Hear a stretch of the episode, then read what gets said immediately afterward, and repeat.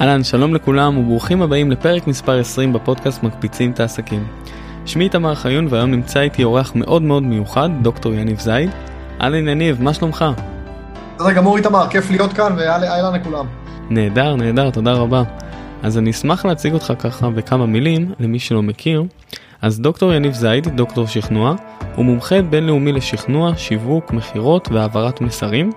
מרצה ותיק ומבוקש שהעביר מעל 2,500 הרצאות וסדנאות בארבע יבשות ב-20 שנה האחרונות.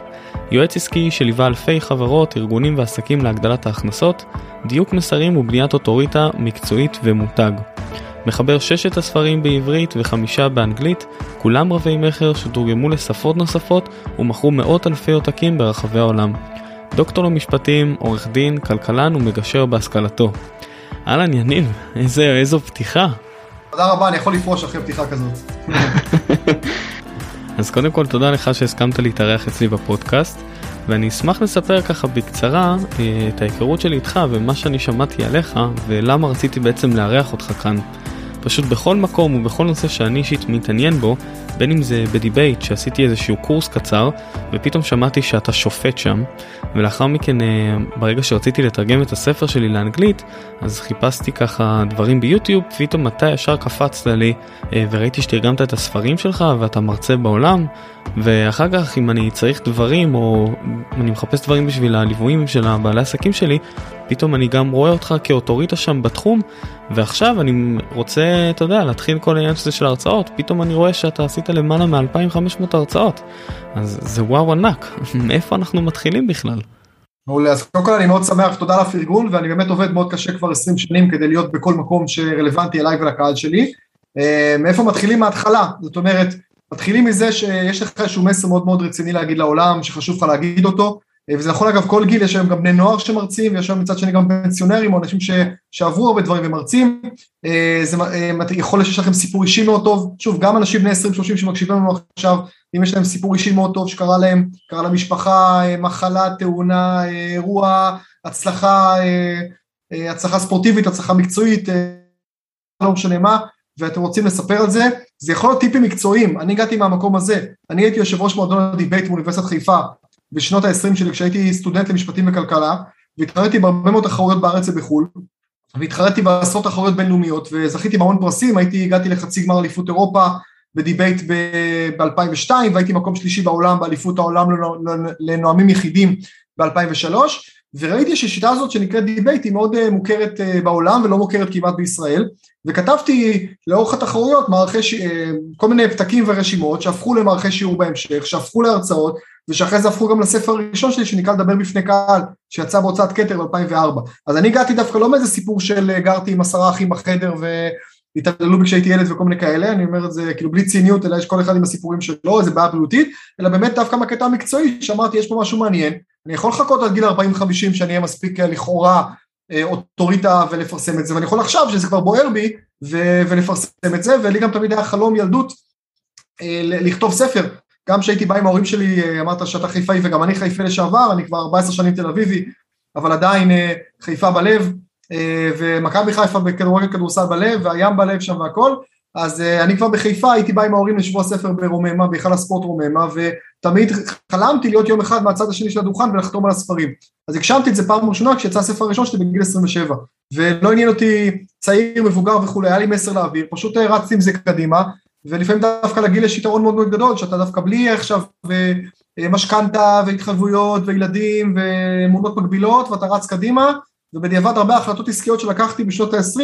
וגם בשנות ה-30 שלי, היום אני בן 44, היו דווקא החלטות אה, עם הרבה אומץ נקרא לזה ו- ואפילו אולי בהתחלה גם חוסר מודעות אבל רצתי קדימה וזה היה היתרון. וואו, מדהים. ועכשיו אתה בעצם, איך, איך אתה בונה את עצמך כמרצה? כלומר, התחלת עם תחום הדיבייט ואתה אומר פשוט עלית על הגל הזה, עמדת על הבמה, הרגשת מה זה, ואתה פשוט המשכת משם את הקריירה? כן, תראה, קודם כל תמיד אהבתי לדבר, הייתי גם קצין בצבא, הייתי גם מדריך בצופי ים, אה, הייתי לוקח כבר בגיל כיתה י' סירות של עשרה חמש עשרה חבר'ה בכיתה ז', הפלגה מחיפה לעכו וכל מיני כאלה, אז היה לי יתרון בהדרכה וכולי, אבל תמיד אני אומר אפשר להתחיל את זה בכל גיל אה, ולצבור את הניסיון הזה. אה, מה שכן צריך להתמקצע כמרצים, זאת אומרת גם יש לכם תוכן טוב או סיפור טוב או אג'נדה טובה והסיפור עצמו מעניין, צריך גם להתמקצע כמרצים. ואני חושב ששני הדברים הכי טובים שאני יכול להגיד זה הכנה ותרגול. הכנה, ככל שאתם באים יותר מוכנים כמרצים להרצאה, ההרצאה תהיה יותר טובה, והכנה יש לה הרבה מאוד אספקטים, אה, גם מקהל היעד, להבין מקהל היעד, להבין מה התהליך שאתם רוצים להעביר בהרצאה, להבין איך, אה, איזה מסרים מרכזיים אתם רוצים להעביר, כלומר עם מה אנשים יצאו מההרצאה, אה, להבין איך אתם משלבים את הבדיחות או לתכנן את הבדיחות והדוגמאות והעובדות והסיפורים והנתונים תוך כדי הרצאה, להבין אגב או לתכנן מה, איך אתם מניעים לפעולה בסוף הרצאה, אוקיי? אז בעיניי לכל מרצה שני הדברים הכי חשובים זה הכנה ותרגול, הכנה, וזה כל אחד יכול בכל גיל, בכל רמת ניסיון בהרצאות וכולי, אה, הכנה, ככל שאתם באים יותר מוכנים, אז אה, אתם אה, הרצאה יותר טובה, והכנה יש הרבה מאוד אספקטים, כמו לדוגמה לדעת מי קהל היעד שלך, ולהתכונן לקהל הזה, להתאים את המסרים לקהל הזה, כמו לדוגמה לדעת כמה זמן יש לך להרצות, או כמה אתה מתכנן שיהיה לך, ולהתאים את הזמן לפי זה, לדעת מה התהליך שאתה מעביר את הקהל מתחילת ההרצאה וסוף ההרצאה, לדעת מה המסרים המרכזיים שאתה רוצה להעביר את הקהל, זאת אומרת כשאנשים יצאו מההרצאה ויגידו להם מה שמעת, אז מה, מה המסר שאתה רוצה שהם ידעו עליך, לדעת איך לבסס אוטוריטה מקצועית, שגם יחזיקו ממך כמרצה ויגידו שאוקיי, שיש לך סמכות או, או אה, מה שנקרא גושפנקה לדבר על הדבר הזה, לדעת איך להניע לפעולה בסוף ומה למה להניע לפעולה בסוף, כאילו בסוף הרצאה, מה אתה רוצה שהקהל יעשה, גם מה, איזה דברים בחיים שלו הוא צריך לשנות וגם מה אתה רוצה שיקנו מכם בסוף, אה, ולדעת איך לשלב נתונים ודוגמאות וסיפורים וכולי, אז כל הדברים האלה צריך להתכונן בצורה נכונה עוד לפני ההרצאה, אה, והדבר השני זה התרגול, מן הסתם לא משנה באיזה גיל מתחילים ומה הניסיון לפני, ההרצאה השנייה תמיד תהיה יותר טובה מההרצאה הראשונה, וההרצאה העשירית יותר טובה מההרצאה השנייה, ו, ואתה בוא נגיד צריך, צריך, צריך תמיד לעשות תחקור ושיפור מהרצאה להרצאה, וזה המפתח, צריך להשתפר כל הזמן, ואני יכול להגיד לך שגם היום, אחרי מעל 2,500 הרצאות בסדנאות, אני כל הזמן מתכונן בצורה הכי רצינית, ואני תמיד מגיע אה, לאולם לפני או לאולם או למקום ההרצאה לפני, אה, כדי טיפה להרגיש את העולם, להרגיש את הקהל, להרגיש את הסאונד, ואני תמיד עושה בדיקות טכניות לפני עם מעורבים עזרים טכניים, ואם אני עושה גם מכירה או הנעה לפעולה, אני תמיד מתרגל את המכירה ומתזמן אותה, ואם זה באנגלית אני מתרגל גם את ההרצאה באנגלית, יש לי גם מנטור באנגלית עסקית שאני מדי פעם מתרגל איתו כדי לחזור לכושר כל הזמן, ולהיות בכושר באנגלית כמו שאני בעברית, אני גם רוצה באנגלית כבר הרבה שנים, אה, וכולי וכולי, כלומר עד היום בשיא המקצוענות זה תמיד להתייחס לכל הרצאה כאילו הרצאה הראשונה וגם להתלהב כאילו הרצאה הראשונה ולהתרגש ולתחקר לשפר מהרצאה להרצאה. מדהים. אז בעצם אחרי שסיימת את uh, עולם הדיבייט, אם אני חוזר איתך כמה שנים אחורה, uh, סיימת את עולם הדיבייט, למדת לעמוד על הבמה, ואז בעצם על מה התחלת להרצות? על הספר שכתבת? והיית מניע אותם? כן. אז ההתחלה שלי הייתה באמת בהרצאות אה, מקצועיות אה, לגבי איך לדבר מול קהל, אה, איך, איך להתמודד, תראה, הדיבייט עצמה, תחרות דיבייט זה משהו שעניין ועדיין מעניין רק כמה מאות אנשים, אולי היום כמה אלפי אנשים משוגעים לדבר, כיום יש גם ליגת תיכונים בדיבייט ויותר אנשים מכירים את השיטה, אז היא הייתה כמעט לא מוכרת. אבל מה שמעניין זה לקחת את העקרונות של השיטה וללמד אותם ביומיום, כלומר איך כל אחד מאיתנו, שכירים, עצמאים, מרצים, נואמים, פוליטיקאים, מפקדים בצבא, יכולים להשתמש בכלים האלה ליומיום. אז התחלתי להרצות על זה ממש כלים איך לדבר מול קהל, איך לשכנע, איך, איך לשווק את עצמכם וכולי. עם השנים עברתי קצת אבולוציה ש, שיותר עיקר הפעילות או עיקר התכנים שלי נהיו בנושא של שיווק ומכירות, לא רק פרזנטציה ונהיו בעניינים של גיוס הון לדוגמה לסטארט-אפיסטים ויזמים, שזה תחום שאני, שאני מלווה גם חברות הייטק גדולות בינלאומיות וגם אה, סטארט-אפים קטנים, אז אתה עושה הרבה מאוד אבלואציה, אבל בסוף ההארדקור זה עדיין לדבר מול קהל, לדבר מול לקוחות, אה, לדעת לשכנע אנשים, אה, וזה הכיוון, זה, מפה נגזרים כל, כל שאר הדברים. נהדר, אז בעצם אה, הכנת את הפרזנטציה שלך, יש לך הרצאה מוכנה, יש לך את הכוח, איך אתה בעצם עכשיו אה, ממלא אולמות? אז קודם כל זה גם, גם לא קורה ביום, למרות שהיום אני חייב להגיד שבעידן הדיגיטלי של היום, זאת אומרת אם אתה תיקח 2021 לעומת 2001 שאז התחלתי, יש היום הרבה יותר אפשרויות למרצים לשווק את עצמם, אז לא היה אה, רשתות חברתיות בכלל, לא היה פייסבוק, לא היה יוטיוב, לא היה קיים, זה לא שלא היה בישראל והיה בארצות הברית, לא היה קיים בכלל, לא היה רשימות תפוצה, ה-CRM וכאלה היה דברים נורא בחיתולים, אז באמת, כשאני מסתכל היום על איך שיווקתי את ההרצאות הראשונות, הסדנאות הראשונות שהגיעו שישה עשרה אנשים, אני אפילו לא זוכר איך הגיעו עשרה אנשים האלה, כי כל השיטות שאני משתמש היום לא היו קיימות אז, אבל אה, אני חושב שהכל מתחיל גם בתכנון מוקדם, כלומר, אה, למי אתה רוצה להרצות, מי הקהל שלך, אה, למי אתה מכוון, מכוון לחברות וארגונים, איזה חברות, איזה ארגונים, אה, באיזה מקום גיאוגרפי, באיזה תחומים, כמה מספר עובדים, אה, להתאים את המסרים מן הסתם לקהל, אתה מכוון לקהל רחב, לאיזה קהל, גילאים, השכלה, איזה בעיות יש להם שאתה נותן פתרון, איזה צרכים יש להם שאתה, שההרצאה שלך היא המענה, אז יש פה הרבה עניין של תכנון, ומה שאני עשיתי לפחות בהתחלה זה שאחרי שמיפיתי את השוק שלי, את מי אני רוצה, התחלתי ממש לפנות בצורה אקטיבית לדוגמה, אני אתן סתם שתי דוגמאות קטנות, באתי ואמרתי אני רוצה להרצות באקדמיה, גם כדי לקבל את הגושפנקה המקצועית שהרציתי באקדמיה, גם כי זה החלום שלי להיות מרצה באקדמיה, וגם כי זה, זה סוג של הכנסה קבועה נחמדה בשביל התחלה, ועשיתי מיפוי, אמרתי לאיזה פקולטות הדבר הזה יכול להתאים, אז אמרתי אוקיי, זה יכול להתאים לפקולטה למשפטים, בניתי איזה קורס שנקרא אמנות הטיעון, ללמד בבת, איך לדבר בבתי משפט עורכי דין או סטודנטים למשפטים. זה יכול להתאים לחוג לתקשורת וזה יכול להתאים לחוג לכלכלה ולחוג למנהל עסקים. עשיתי מיפוי והגעתי, אם אני לא טועה, בערך 40 פקולטות, 10 בכל הארץ בפקולטות למשפטים, 10, 10 פק... 10 חוגים לתקשורת,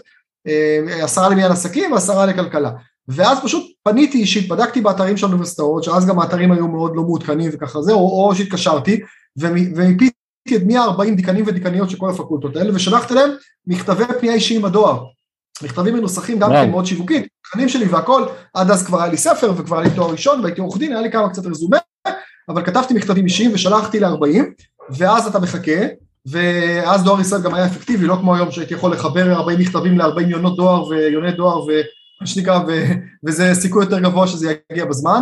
אה, אבל אז מה שנקרא 30 לא חוזרים לך בכלל, או 15 לא חוזרים בכלל, עוד עשרה כותבים לך תודה רבה על הפנייה, כרגע לא רלוונטי, אבל אנחנו שומרים לעצמנו על הזכות לפנות אליך בעתיד, ועוד אה, עשרה אומרים לך יאללה בוא ניפגש, בפועל אתה נפגש עם שמונה ומתחיל לעבוד עם חמישה או עם שלושה, ועוד התחלת לעבוד עם שלוש אוניברסיטאות. אה, דבר נוסף עשיתי, אני בזמנו יעצתי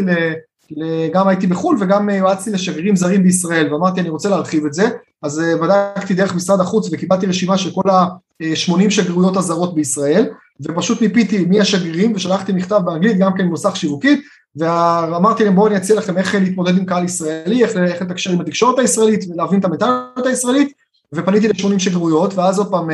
60 בכלל לא חוזרות אליך, עוד 10 חוזרות אומרות לך תודה אבל לא תודה, עשרה אומרים לך בוא ניפגש, בפועל נפגש עם שמונה, בפועל מתחיל לעבוד עם חמש שגרירויות. וזאת הייתה התחלה, ואז אתה בונה את זה, לאט לאט אתה מתחיל לאסוף קאדר של לקוחות, ואם אתה טוב אתה גם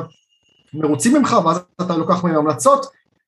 ואז אתה ממנף את ההמלצות שלך, שוב אז לא היה לשים המלצה בפייסבוק, היום יש, עוד יותר קל, אבל משתמש בהמלצות כדי להביא עוד לקוחות וכן הלאה וכן הלאה. אז זה הרבה עבודה קשה והרבה חריצות והרבה התמדה, וגם סוג של ייחודיות שאני ממליץ פה לכל אחד ששומע אותנו לחשוב מה הייחודיות שלו, כלומר מה הנושא הספציפי שמייחד אתכם, מה הנישה שלכם, מה היתרון היחסי שלכם בלהעביר את הנושא הזה, מה הסיפור חיים הספציפי שלכם שמייצר איזה פרספקטיבה מיוחדת לדבר הזה.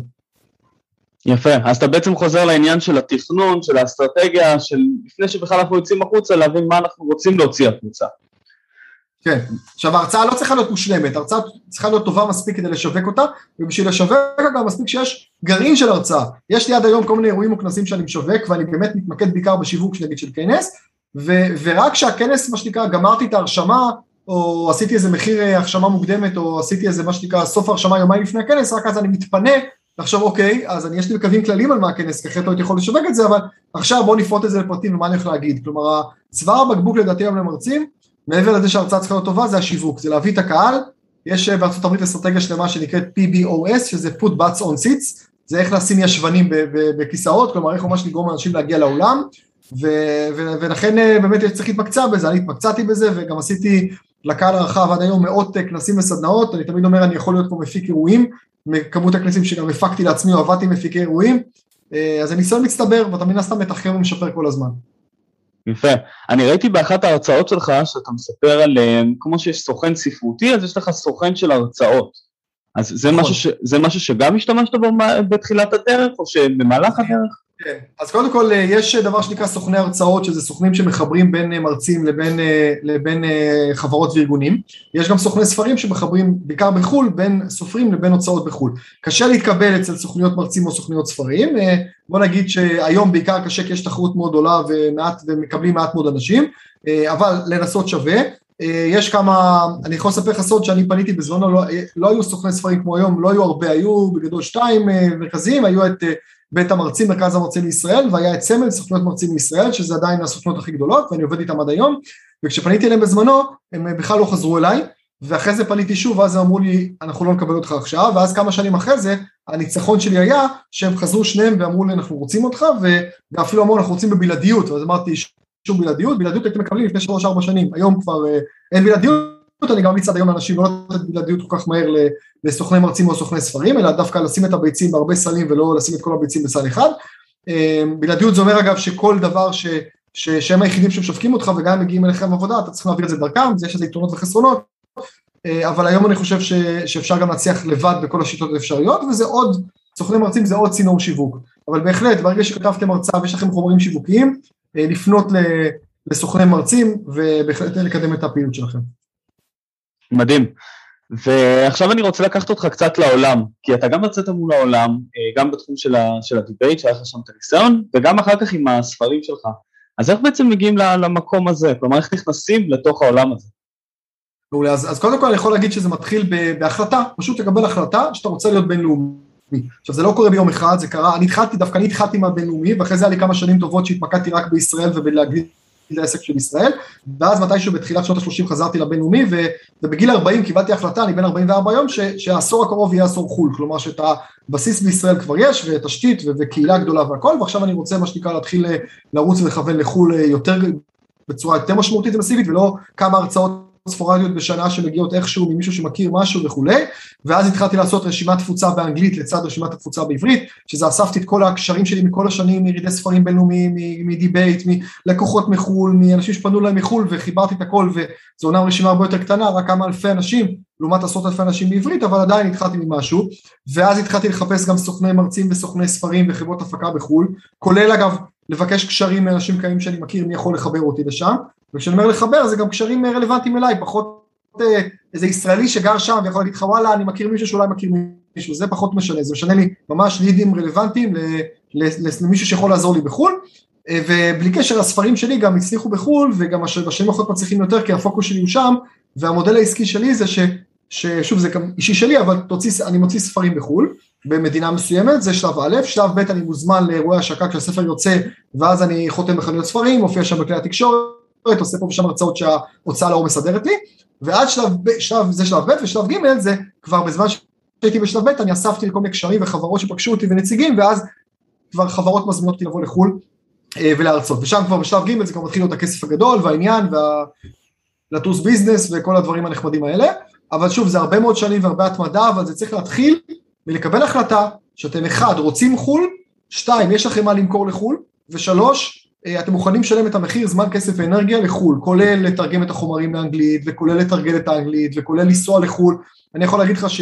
שאני עכשיו, אוקטובר 2021, אה, נוסע אה, פעם נוספת ליריד הספרים בפרנקפורט, יש לי ספר חדש באנגלית שנקרא Sales Bible, תנ"ך המכירות, שעכשיו השיטה שלי זה אני לא קודם כל מוכר אותו בעברית או מקדם אותו באמזון, אלא קודם כל פונה ישר להוצאות ספרים בחו"ל, ואני נוסע ליריד הספרים הכי גדול בעולם בפרנקפורט בגרמניה בעוד שבועיים, אה, כדי לקיים אה, עשרות פגישות, אולי אפילו יותר עם הוצאות וסוכנים רלוונטיים, כדי לנסות למכור את הזכויות של הספר לכמה שיותר אה, מדינות. עכשיו, אני נוסע בלי ודאות, משלם מכיסי, אתה יודע, את הכרטיס ואת המלון, ושבוע בחו"ל, שזה גם עלות אלטרנטיבית שאני מפסיד בארץ, וכמובן לא משפחה וכולי, ואני עושה את כל זה בלי שום ודאות שמשהו ייסגר, אבל מתוך מה שנקרא רצון להצליח, וכמובן חומרים שיווקים, הספר מתורגם לאנגלית וחומרים שיווקים באנגלית, וכל זה עולה כסף וזמן ואנרגיה, ובסוף אגב תמיד אני אומר כשאתה מצליח אז אנשים רואים את שעות המעבדה, אה, סליחה רואים את ההצלחה אבל הם לא רואים את שעות המעבדה, יש הרבה מאוד שעות מעבדה והרבה מאוד זמן ואנרגיה ותכנון ו- וחשיבה אה, וזה בסופו של דבר מביא תוצאות, אז אם אתם מספיק נחושים אה, אתם רצים קדימה, אני אגיד עוד מילה אחת על חו"ל, אני עושה גם, אני פה מודה, עושה גם הרבה מאוד אימון, אימונים וטיפולים בעצמי, אני גם עושה גם טיפול רגשי ועשיתי גם, אני מאוד מאמין שכל מומחה הוא קודם כל תלמיד וכמו שאמרתי שאני לוקח מנטור לאנגלית עסקית שמלווה אותי, אני גם uh, לוקח uh, טיפול רגשי וגם הדרכת הורים לילדים וגם uh, כמובן מאמן כושר והרבה מאוד דברים שאני עושה outsourcing וכמו שאני יועץ בתחום מסוימים של שיווק, שיווק שכנוע, מכירות, משא ומתן וכולי אז אני לוקח ייעוצים ואני משקיע בעצמי כל שנה עשרות אלפי שקלים בשנה uh, על עצמי להתפתחות אישית ומקצועית ועסקית ומוציא על הצוות שלי, יש לי גם צוות אז אני מוציא על הצוות שלי כל שנה לפחות עשרות אלפי שקלים ומקצה גם אותם ואני מאמין שזה גם טוב אישית וגם עוזר עסקית. אז, אה, אז גם הקטע של חו"ל, אני גיליתי או זיהיתי מתישהו שיש לי גם איזה מחסום, שאתה אומר אוקיי, אז יש מדינות א', ב', ג' שאני יכול להצליח, ויש מדינות שאני, באמת אין לי מה למכור שם, ועשיתי לעצמי הרבה תהליך כזה של לבוא ולהבין בתת מודע איפה זה יושב לך, שאתה חושב שאתה לא יכול להצליח, ו, ומחו"ל, ואז באמת אחרי תהליך אה, יחסית קצר אמנם, אבל מאוד אפקטיבי, ראיתי שאני יכול להצליח בכל העולם, וצריך לראות את כל העולם כ, כקו אופקי וכולי, וזה תהליך מרתק. מי שירצה אני אתן בסוף את הפרטים שלי שדברו איתי, ואתם מוזמנים גם ליצור איתי קשר, ואני אספר טיפה על, הדבר הזה. אז כמו שאמרתי, אני צריך לקבל החלטה שאני מצליח בחו"ל, צריך להיות מוכן לשלם את המחיר וצריך לעבוד בזה ולהשקיע בזה זמן אנרגיה וכסף ולאורך זמן זה יקרה. מדהים, אז קודם כל, אה, כל הפרטים כמובן שהם יהיו אה, בתחתית, ה, בתחתית הקישור, והייתי רוצה לשאול אותך ככה לסיום, אה, כמובן שאמרת את זה שאתה ממליץ לקבל החלטה בתור התחלה, אבל ברמה הפרקטית, מה באמת היית ממליץ לבעלי עסקים בתחילת דרכם, לסופרים מתחילים, שהם רוצים לבוא ולהתחיל למתג את עצמם כמרצים? אז קודם כל להתחיל, פשוט להתחיל ולהציע, להציע, להציע, אנחנו בתקופה, אתה יודע, שנתיים האחרונות עם כל הקורונה, סגרים, הגבלות, העולם היה סגור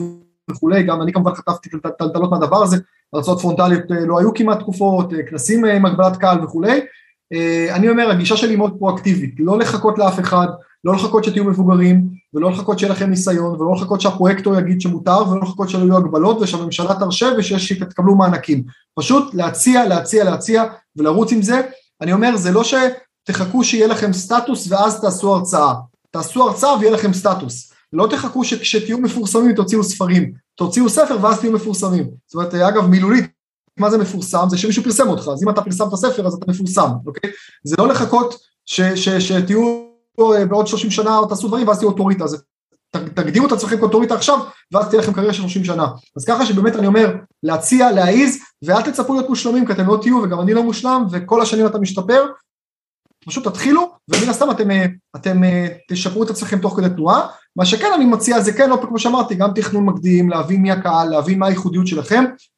ולהגדיר גם איזה נישה, במשהו שמייחד אתכם, ולא סתם להגיד, אוקיי, ראיתי הרצאה מעניינת של מישהו, ניקח את ההרצאה הזאת אחד לאחד, ואני אעביר אותה בעצמי, כי זה לא יצליח, זה גם לא יצליח קרמטית מעבר לגניבת זכויות יוצרים, זה לא אתם באמת, זה לא יהיה אותנטי, אז גם זה לא יצליח. צריך, אתם צריכים לזהות אצלכם מה מייחד אתכם, וכל אחד מאיתנו יחיד ומיוחד, מה מייחד אתכם, ועם זה לרוץ קדימה, והמסר שלכם, אה, מה שנקרא, אה, צריך להיות מופץ בכל העולם.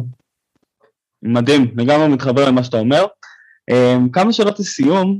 אם היית יכול עכשיו לעסוק בכל תחום בעולם, ומה היית רוצה לעסוק? האמת שמה שאני עושה עכשיו אני הכי אוהב את זה, כי אני באמת חי ומגשים את החלום שלי, אני בכלל מגשים אה, חלומות סדרתי, אני אמרתי קודם, אה, חלמתי לחתום בשבוע הספר, הגשמתי את זה, חלמתי להרצות בהיכל מנור המבטחים, הגשמתי את זה, הייתי המרצה הגדולה בישראל, המופע חימום של אה, ג'ורדן בלפורט, הזאבי וול סטריט, שהופיע לפני חמש שנים בהיכל מנור המבטחים, חלמתי של להיות רב מכר באמזון, הגשמתי את זה, חלמתי להרצות בחו"ל, הגשמתי, והחלומות רק גדלים כל הזמן. היו לי גם אגב הצעות בחיים, אני עבדתי הרבה עם מערכת הביטחון והציעו לי להיות במערכת הביטחון בכל מיני תפקידים כאלה ואחרים אה, סודיים ומסווגים ולא רציתי, אני אה, יכולתי להיות דיפלומט, הציעו להיות דיפלומט לפני הרבה מאוד שנים בשירות החוץ, לעשות קורס סוהרים לא רציתי ואני חושב שהייתי יכול להיות טוב גם בזה וגם בזה, אבל בסוף אני מגשים לעצמי את החלומות וגם מגשים לאחרים, אני חושב שחלק מהשליחות שלי היום זה ללוות אה, סופרים צעירים וותיקים לקדם את הספרים שלהם בארץ ובחו"ל וללוות מרצים צעירים וותיקים לקדם את הספרים שלהם, את ההרצאות שלהם וללוות עסקים חדשים וותיקים ולהגדיל הכנסות ולקדם את העסק וללוות חברות וארגונים בלפתח לפתח תשתית ולהצליח בחו"ל ולהצליח גם בארץ ולפתח מערכי מכירות וכולי. אני גם עושה כתיבה שיווקית לחברות וארגונים ולעסקים קטנים, דפי נחיתה, אתרים וכולי, כלומר,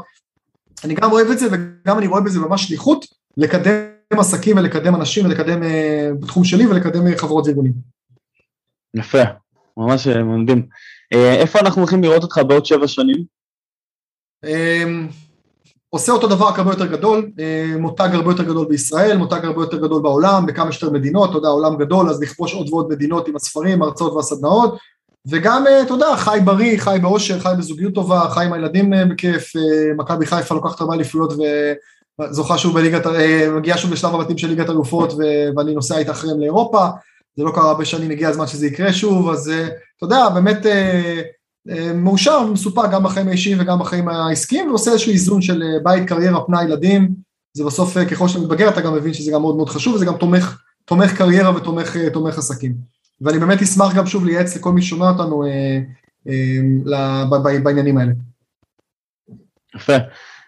אם היית יכול לחזור עכשיו ליניב בן ה-25, שבאמת רק התחיל ופתח את העסק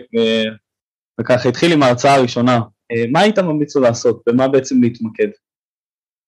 אה, תראה, אני חושב, אני אגיד קצת, קלישאה, אבל אני חושב שהחיים הם מסע מאוד גדול, ואתה לומד גם מהצלחות וגם מהכישלונות. אז שאלו אותי, והייתי בכל מיני סדנות, גם התפתחות אישית וגם שאני העברתי, ואמרו לי, מה היית עושה אחרת?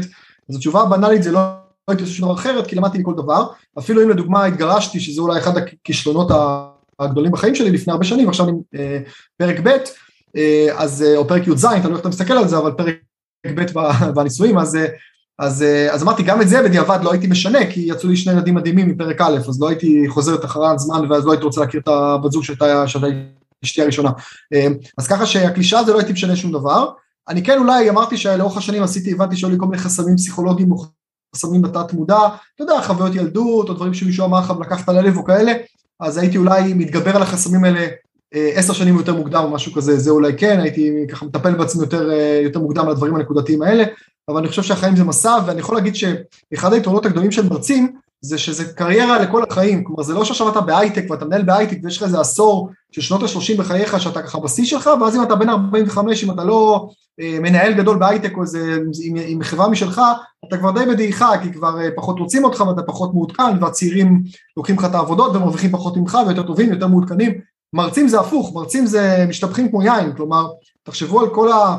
המרצים הגדולים בעולם והמטורים הגדולים בעולם, גם אלה שאתם לומדים מהם, אה, הם, הם מרצים עד יום מותם, בסדר? ומשנה לשנה אולי עושים קצת פחות הרצאות של מבוגרים כבר, אבל הם לוקחים הרבה יותר כסף להרצאה, ו, ותמיד רוצים לשמוע מה שיש להם להגיד, והם תמיד גם יותר טובים ממה שלפני שהם היו כמה שנים. אז אני חושב שזה מקצוע נהדר, שאתה ממש גדל איתו וגדל, אה, אני גדל עם הלקוחות שלי ומגדל אותם, וגדל עם המקצוע, וזה באמת אה, כיף גדול. מדהים, איזה כיף. יניב, כל מי ששמע אותך כאן עכשיו, איפה אפשר למצוא אותך? מעולה, אז, אז אני קודם כל תודה רבה, אני קודם כל אה, מאוד ידוע בנגישות שלי והזמינות שלי, אז הנה אני מאתגר אתכם, לאתגר אותי, בואו בבקשה תפנו אליי ישירות. אז קודם כל יש לינק לאתר persuasion co.il, המילה שכנוע, שם גם הבלוג שלי, ולינק לליווי עסקי שאני נותן, לדף אה, נחיתה לליווי העסקי עם כל הפרטים, אז תשים בבקשה את הלינקים. וכל מי שמתעניין ורוצה לקדם את העסק שלו, לקדם את ההרצאה שלו, לשאול אותי שאלות על דברים שאמרתי עכשיו, לקדם את הספר שלו, אני אתן לכם עכשיו את הנייד האישי שלי ואת המייל האישי שלי, שלי, לא של הצוות שלי, אז תרשמו, וגם תשים אחרי זה בבקשה איתמר למטה את הפרטים. בוודאי. הנייד האישי שלי זה 054-800-1200, אני חוזר 054-800-1200, מוזמנים להתקשר אה, ולסמס ומה שאתם רוצים ווואטסאפ, והמייל שלי זה יניב שטרודל יניב זייד נקודה קום, y-a-n-i-v שטרודל y-a-n-i-v z-a-i-d נקודה קום. אז תרגישו חופשי לפנות אליי בוואטסאפ, להתקשר, אה, לשלוח מייל, להיכנס לאתר, למלא פרטים באתר או בדף הנחיתה של הליווי, ואני באמת אשמח לעמוד לרשותכם. אגב, אני אחד הסופרים היחידים בעולם ששם את הפרטים שלהם בספרים, ואני חושב שאני היחיד בעולם ששם את הנייד שלו בספרים, ואני מוכר אה, אלפי עותקים בעברית כל שנה, ובמצטבר עשרות אלפי עותקים בשנה בכל העולם, ו... והסיבה שאני עושה את זה, קודם כל כי אני רוצה להיות זמין ונגיש לקהל שלי, אבל גם כי אני יודע שלא הרבה יפנו. אם היו פונים כל היום, אז גם הייתי מוצא פתרון והכל בסדר. אז אני מאיץ בכם, תפנו אליי, דברו איתי, תתקשרו, מי ששומע אותנו, ובאמת באהבה גדולה. אה, זהו, אוהב אתכם חבר'ה, שיהיה בהצלחה. כל מי ששומע אותך, איתמר, ואני גם אומר לך כל הכבוד על המיזם הזה ועל הפרקים. אה, אני חושב שאפשר ללמוד הרבה מאוד, לתת, לקבל הרבה מאוד השראה מהפרקים האלה וממך, וכל הכבוד לכם שאתם מקדישים את הזמן ואת האנרגיה בשביל לשמוע, להתמקצע, והשמיים הגבול מבחינתכם. מדהים, יניב, תודה, תודה רבה שהסכמת להיות כאן. אה, הערך שאתה נותן יעזור לעוד המון המון אנשים. אז תודה רבה לך. המון בהצלחה, בכיף. ביי, איתמר, אוהב אותך. ביי. ביי, ביי, תודה, תודה. תודה רבה שהאזנתם לעוד פרק ב"מקפיצים את העסקים". אם אהבתם את הפרק, דרגו אותו בחמישה כוכבים. זה עוזר לפודקאסט לגדול ולצמוח, ובכך להגיע לעוד המון המון אנשים. ואם אתם מחפשים עוד קישורים ועוד דרכים להגיע ליניב זייד, פשוט מאוד, כל הקישורים נמצאים כאן למטה, תפנו אליו, אני בטוח שהוא ישמח לדבר איתכם ויעזור לכם בכל מה שתצטרכו. נתראה בפרק הבא, אלופים.